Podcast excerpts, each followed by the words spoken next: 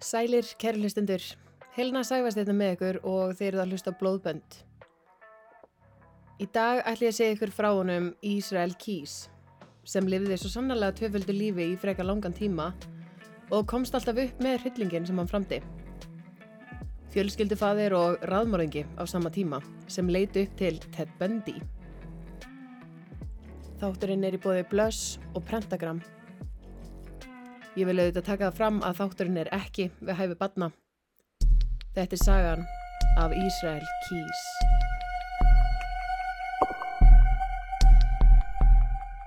Það var 1. februar árið 2012 í Anchorage í Alaska. Rólegt var að gera á kaffehúsinu Common Grounds þar sem Samantha Koenig var að vinna en hún var 18 ára.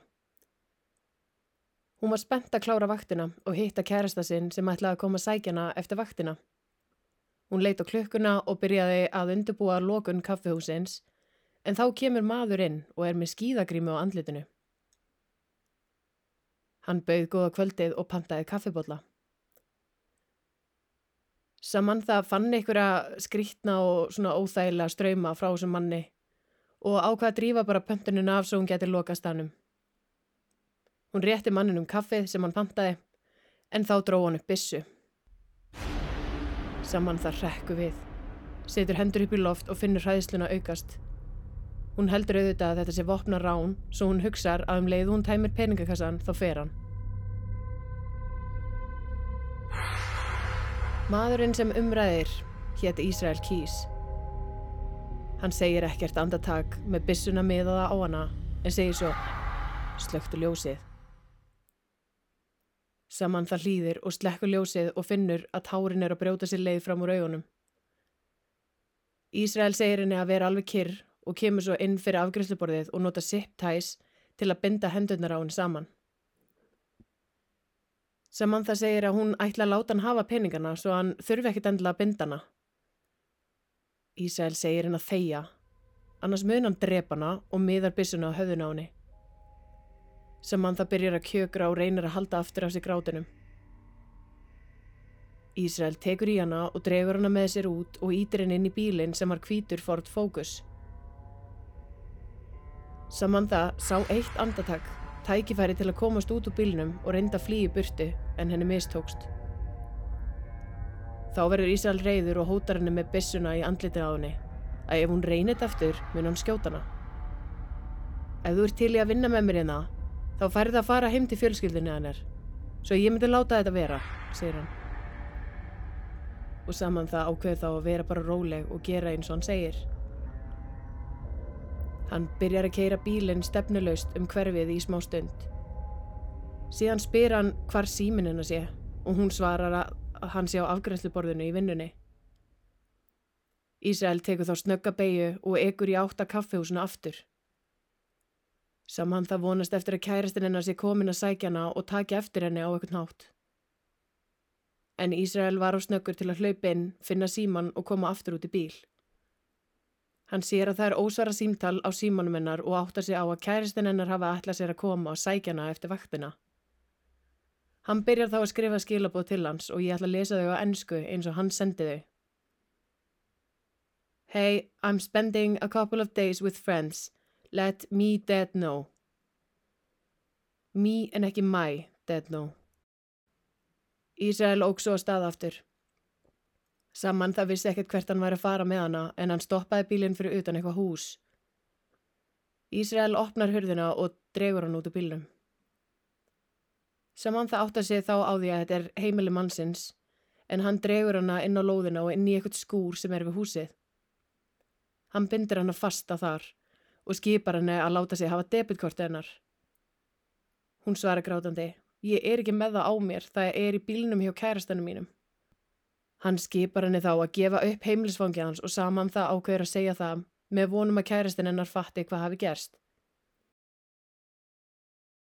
Áðurum við höldum áfram skulum við taka örstutt auðlýsingarlið. Prentagram er nýjasti styrtaraðali þáttana. Búðin er staðsett á Rauðar á stíg 41 og þar er að finna ótrúlega flottar hugmyndir til að nota myndirnar sem þið þykir vænstum eða langa til að gefa. Þú fær virkilega góða þjónustu og getur bæði sótt og fengið send. Hægt er að gera personuleg dagatöl fyrir árið 2023. Þú getur panta mynd í mörgum stærðum og fengið ramma utanum hana ef þú vilt. Hvort sem um er að ræða stakamynd eða mósækmyndir.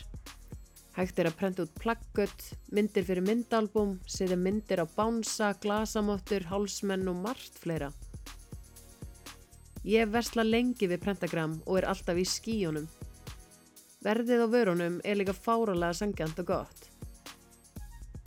En með kóðanum blóðbönd eða blótbönd færði 20% afslátt af öllum vörum nema frímerkjunum. Frelsaði myndirnar úr símanum og skartaði þeim hvar sem er. Hjá Prentagram og prentagram.is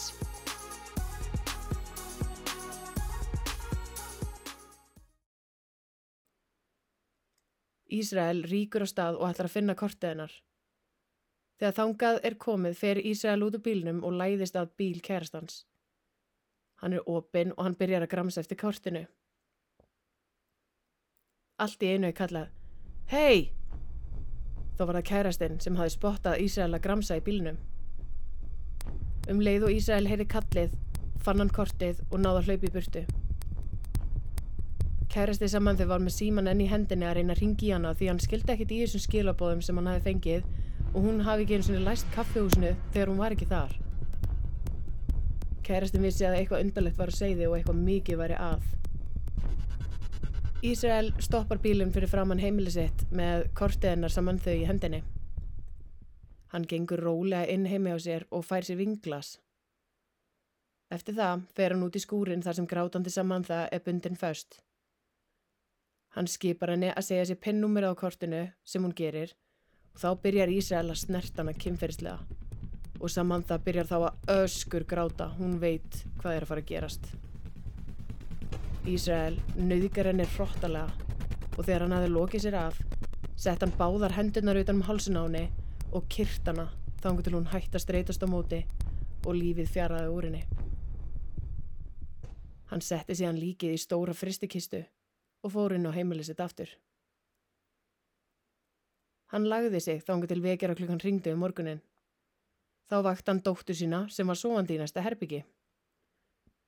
Hún átt að fara að mæti skólan. Kærastan hans fekk að sofa áfram sínum værasefni.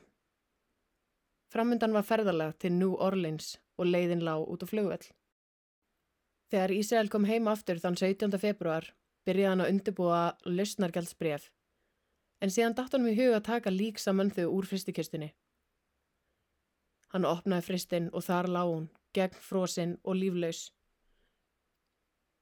Hann tók hana upp og lagði hann á borð og byrjaði að mála hana í framann. Til að hún liti út fyrir að vera levandi, skar hann af henni auglokkin. Svo tók hann polaroid myndavælina sína og tók mynd af samöndu og hafði fréttablað dagsins inn á myndinni sko þessi mynd þið getið séðan á Instagram veit ekki alveg hvað mér finnst um það að þessi mynd sé svona út um allt á internetinu en bara vitandi það að hún sé dáin á þessari mynd að því að hann skara af henni auklokkin þú veist úf, ég bara, já ég bara orðlaus Hann krafðist 30.000 dollara í brefinu og setti myndina af samönðu með í umslag. Hann fór svo niður í almenningskarð skamt frá þar sem hann setti brefið og myndina í póka og hengdi það upp á upplýsingatöflu. Undir mynd af tindum hundi sem hétt Albert. Ísrael sendi svo skilabóður Símonum mennar samönðu til kærastans þar sem hann skrifaði Conner Park, Sign under pick of Albert. Ain't she pretty? Fjölskylda saman þau þuti á stað í vonum að saman það væri á staðunum sem skilabóðin sögðu tilum. Þegar þangað var komið tók fjölskyldi meðlumir eftir upplýsingatöflunni og að eitthvað hjekk undir mynd af týnda hundinum, Albert, og það var plastbóki.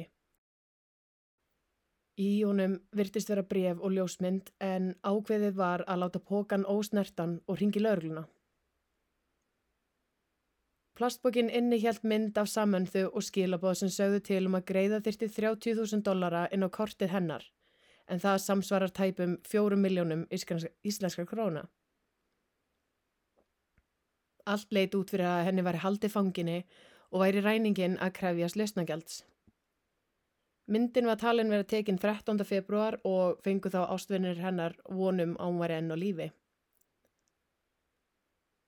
Nokkrum dögum síðar setti Ísrael lík saman þau í bílinn sinn og fór með það að vatninu Matanuska leik þar sem hann sagaði líkið í marga búta og hendi líkamsleifunum í vatnið. Átt sama tíma var pappi saman þau að leggja inn lausnagjaldið á reikningin hennar. Þar sem samfélagið allt hafði hjálpað góðfúslega við að sapna upphæðinni til að geta fengið saman þau aftur til fjölskyldin hennar. Fylst var vel með öllum hraðböngum eftir að uppæðin hafi verið lögðinn. Grímuklætur maður sást svo í myndavelum takk út pening og kom í ljós að kortið var í eigu saman þau. Ekki var hægt að sjá hver maðurinn var, en hann hafi gert mistök með að leggja bílnum sem hann kom á, of nálægt, svo hvíti Ford Focus bílinn hans var þá í mynd. Lauruglu þjótt sem var staðsettur á slóðum Ísraels kom auða á hvítan Ford Focus sem betu fer var hann fljótur að kveika perunni og ákvaða elda bílinn. Bílstjóri Fordsins fór aðeins yfir hámasraða svo lauruglu þjóttin hafði ástæði til að setja bláuljósin á og stoppa hann. Ökumæðurinn lagði út í kanti og rétti fram ökuskýrtinni þegar lauruglu þjóttin baðum það. Israel Keys Eitthvað innra með lauruglumannum sagði honum að það væri, væri eitthvað bóið við mannin við stýrið og kom auga á bissu í bílnum og þá skipaði hann Ísrael að koma út úr bílnum og handjafnaði hann. Lauruglu þjóttinn tekur svo eftir kortun hennar saman þau á milli sætana og einnig eftir símanum hennar. Ísrael Keys var fættur árið 1978 þann 7. januar sem gerir hann að steingeit í stjórnumerki. Hann ólst upp í Utah í bandaríkjónum. Hann var annað barn þeirra Heidi Keys og John Jeffrey Keys en í heldina átt hann nýju sískinni. Fóreldrar hans voru mótlæg nútíma háttum og menningu og voru þess vegna öll börnin fætt á heimilinu. Ekkit af þeim skráð í kerfinu því þau fóru aldrei heilbreyðskoðun eða bólusetningar. Hann, ásamt öllum sískinn manns, Gengu aldrei í almennan skóla heldur var heimakensla, svo mentun sem þau fengu og var lífstill þeirra gríðarlega einangraður og gamaldags. Hægt er að ímynda sér að þröngt hefur verið um fjölskylduna, sérstaklega þegar þurfti að alveg tíu börn sem fóru sjaldan út af heimilinu. Fóreldrar Ísraels voru mormónar þegar hann fættist en þegar hann var fimm ára færðu þau sig um set til Colville, Washington og yfirgáfi mormónisma. Þau gengu þar til liðis við Christian Identity söfnuðin sem snerist aðalega um rasisma að hvítt fólk sé æðri öðrum kynþáttum. Þau einangraðu sig félagslega og frá nútíma veruleika og byggu í litlum skúr með börnin tíu, án vass og ramags. Þið reynið bara að sjá þetta fyrir ykkur.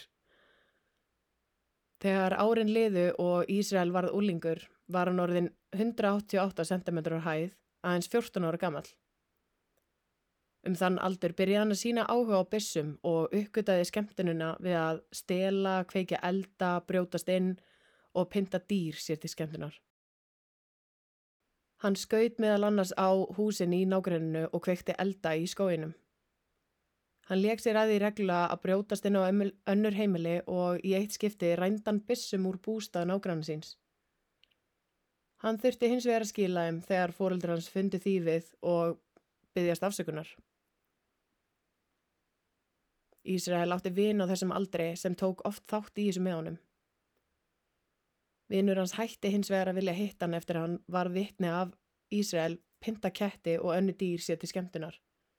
Þá hafði hann gengið og langt.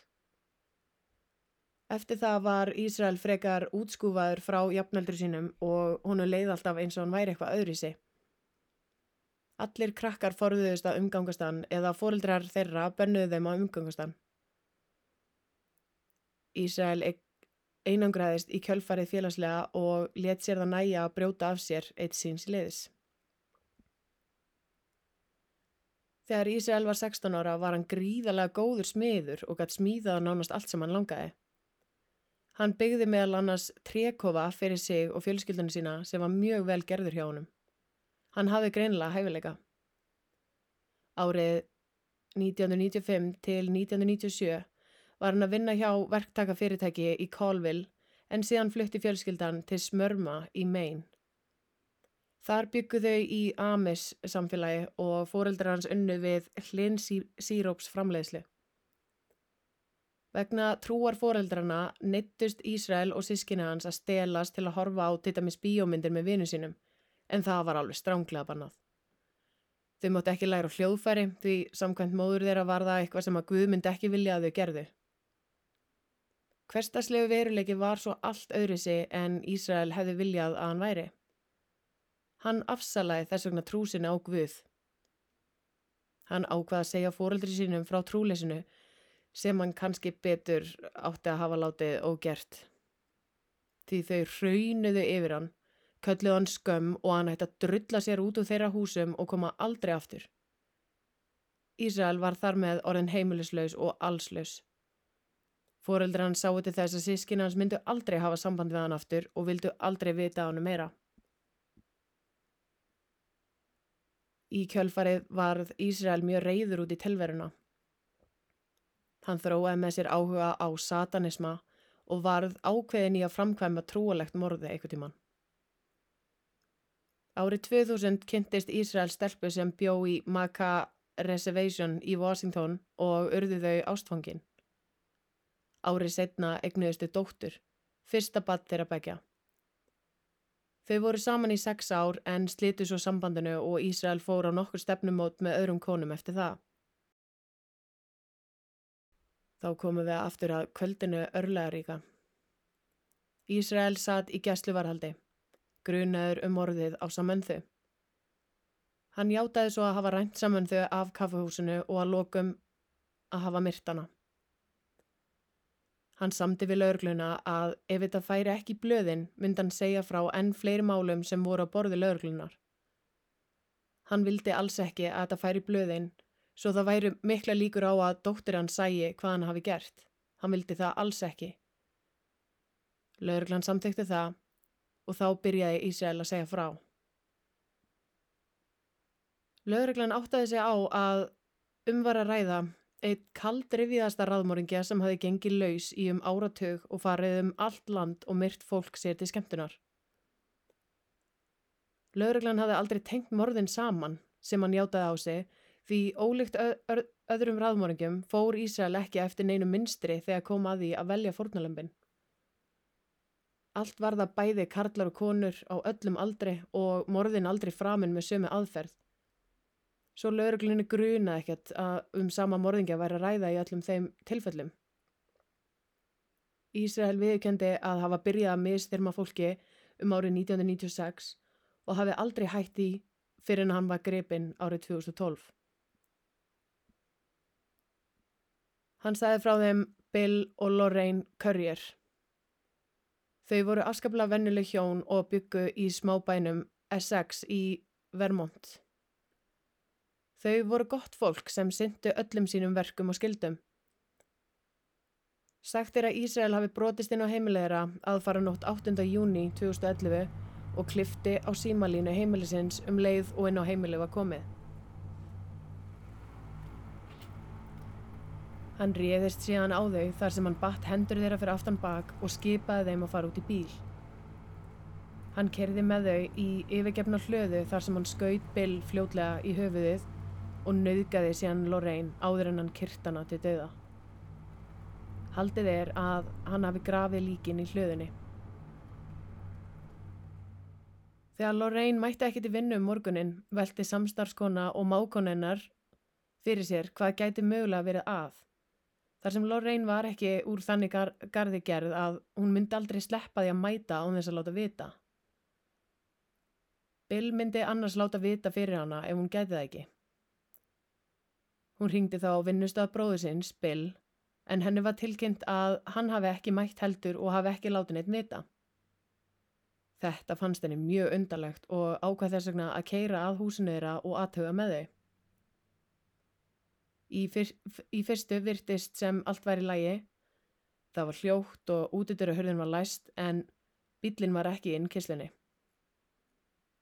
Þángu til sýstir Bills sá brotin glugga í bílskurnum, þá stóð henn ekki á sama og ringdi í lörgluna. Það leiti allt út fyrir að einhver hafi brotist inn og rænt hjónunum en engum dætt í hug mögulega ástæðu fyrir að einhver ætti að vilja ræna þeim af heimilinu sínu um miðjanótt. Málið var kallt. Lauraglann hafði nákvæmlega ekki neitt í höndunum vegna skort, vegna skorts á vísbendingum sem setti bara punkt í rannsóknuna. Þanga til einn daginn fekk lauraglann símringingu. Maður frá Alaska hafði játað að bera ábyrð á dauða hjónana og sagðist geta bent á staðin þar sem lík hjónana var að finna. Hann gaf upp staðsetningu á gamalli hlöðu og drifi lauruglumenn sig á staðin. En þeir komu heldur betur að tómum kóanum. Hlaðan hafi verið rifin burt af lóðinni með rótum. Þá hófst leit að líkamsleifum hjónana en allt leit út fyrir að þau hefðu verið fjallægð með hlöðinni ef þau voru þá grafin þar. Í dag eru líkamsleifar þeirra enn ófundin. Ísrael viðkendi að hafa falið svona mörderkitt í grend við heimili hjónana. Í því voru ruslapokar, skambisa, hljóðdeifir og bönd sem hann notaði svo til þess að myrða þau. Hann tengdist þeim samt ekki neitt og gati ekki gefið upp neina ástæðu fyrir hvers vegna hann valdi þau eitthvað sérstaklega. Hann sagði að það væri enginn sérstök ástæða, bara random. Ljóst var að Ísrael hafi skipulagt öll morðin í þaula og lesið út allar mögulega leiðir til að verða ekki grepin. Hann fór landshotnan á milli og myrti aldrei fleiri en einn á sama stað. Hann valdi fórnalömpin algjörlega af handahófi og var ekki tengdur neinu þeirra. Ísrael talaði um að vera mikill aðdáðandi Ted Bundy og sagðist sjá sjálfan sig í honum. Aðspurður af hverju hann framdegi sér hyllilegu morð, svaraði hann, okkur ekki. 23. mæ 2012 reyndi Ísrael að flýja Anchorage Correctional Complex fangelsið sem honum var haldið í á meðan hann beigði eftir réttarhaldunum. Hann notaði einhvers konar viðarverkfæri til að losa handjátnin og ætlaði sér að komast út á hlaupum. Lauruglan beitti þá rafbissu á hann til að yfirbuga hann. Þann annan desember sama ár, 2012, var komið að Ísrael látnum í klefanu sínum. Hann var skorinn djúft á úrleðunum og hann hafði greinilega gert tilröðin til að hengja sig líka. Hann var þá 34 ára gammal. Hann hafði á einhvern hátt orðið sér út um rakvelablað en stránglega bannað hafði verið að láta hann fá slíka hluti eftir litslaust. Hjá líkinu fannst sjálfsmórsbref og mynd af 11 hauskúpum sem hann hafi teiknað með eigin blóði. Talið er að hann hafi verið að teikna öll fórnalömpin sín, þá 11 talsins en aðeins var hægt að staðfesta það að hann bæri ábyrð á morðunum á þremur fórnalömpum. Svo í framaldi af sjálfsmorðinu var fólk og yfirvöld skilið eftir með ósvaraða spurningar sem verður aldrei svarað. Þann 10. desember kom móðir Ísraels á samt fjórum systrumans að sækja líkið og heldu litla jarðaför fyrir hann í Deer Park í Washington. Presturinn í jarðaförunni sagði Hann er ekki á betri stað, hann er á stað eilífrar kvalar.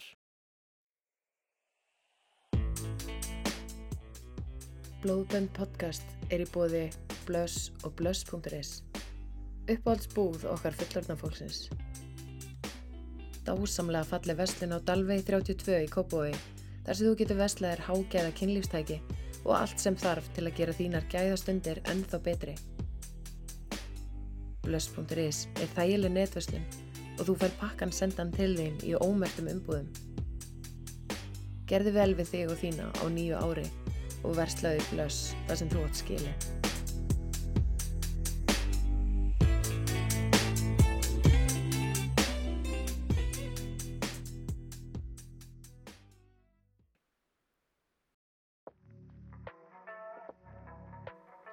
Þá líkur sögunni af Israel Keys. Ég vil minna á hexdesign.is og Instagram síðu þáttana. Svo stýttist í bóndadaginn. Þú finnur fullkomna bóndadagsgjöf, bæði í blöss og í prentagram. Svo engar afsaganir. Notaðu afsláttakóðan blótbönd við borgun á prentagram.is og fáðu 20% afslátt af öllu nema frímörkjum. Takk fyrir að hlusta, takk fyrir all skilabóðin sem ég þykir svo væntum að lesa. Þið eru dásamleg. Þá getur næst, góða stundir.